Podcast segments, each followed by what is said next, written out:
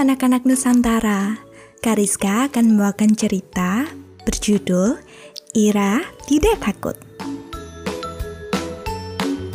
Cerita ini dikarang oleh Kak Dina Novita Tuasun dan Kak Dewi Mindasari.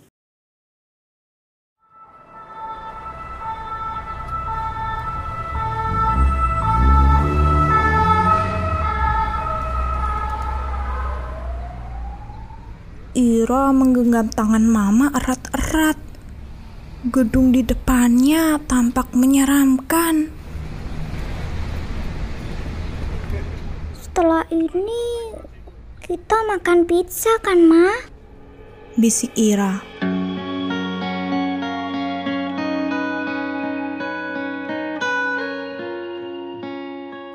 Halo Ira, apa kabar hari ini? Apa kabar kura-kura? Ira sudah siap. Para dokter menyapa Ira yang sedang menggendong kura-kura kesayangannya. Kura-kura tidak mau disuntik hari ini. Jawab Ira. Namun, dokter itu tetap ingin memeriksa si kura-kura. Kata dokter, sel darah merah si kura-kura sudah berkurang. Darah kura-kura harus ditambah. Kita menyebutnya ditransfusi. Kalau tidak, si kura-kura akan tetap lemas dan mual. Ini alat untuk menambah darah ke badan kura-kura. Kura-kura nanti akan lebih segar bisa bermain lagi, bisa sekolah lagi, kata dokter sambil menunjukkan peralatan transfusi.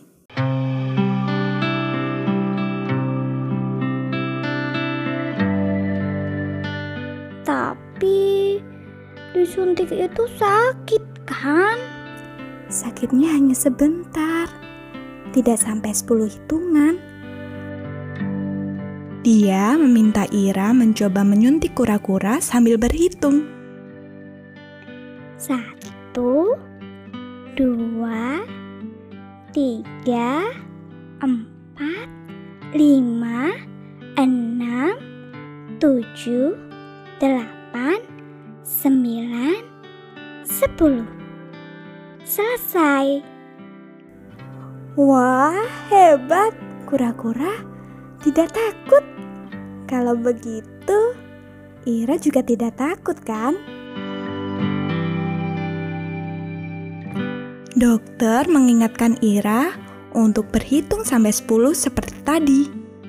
Selama ditransfusi nanti, Ira boleh menonton film kesukaannya.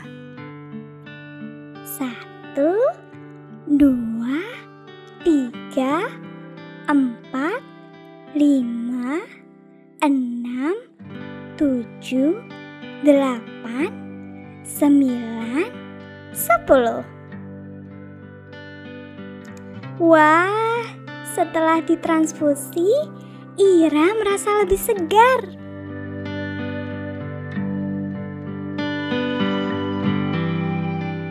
Sekarang transfusinya sudah selesai.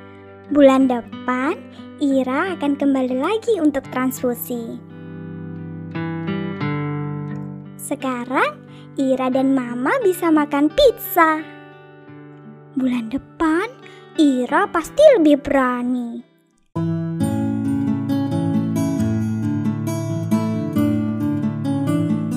Tahukah anak-anak Nusantara tentang penyakit talasemia? Penyakit talasemia adalah penyakit kelainan darah. Penyakit ini diturunkan dari orang tua atau nenek kakeknya.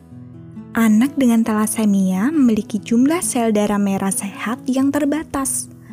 Sel darah merah mereka pun mudah rusak dan berumur pendek. Padahal, sel darah merah diperlukan untuk mengangkut oksigen dan zat makanan ke seluruh bagian tubuh.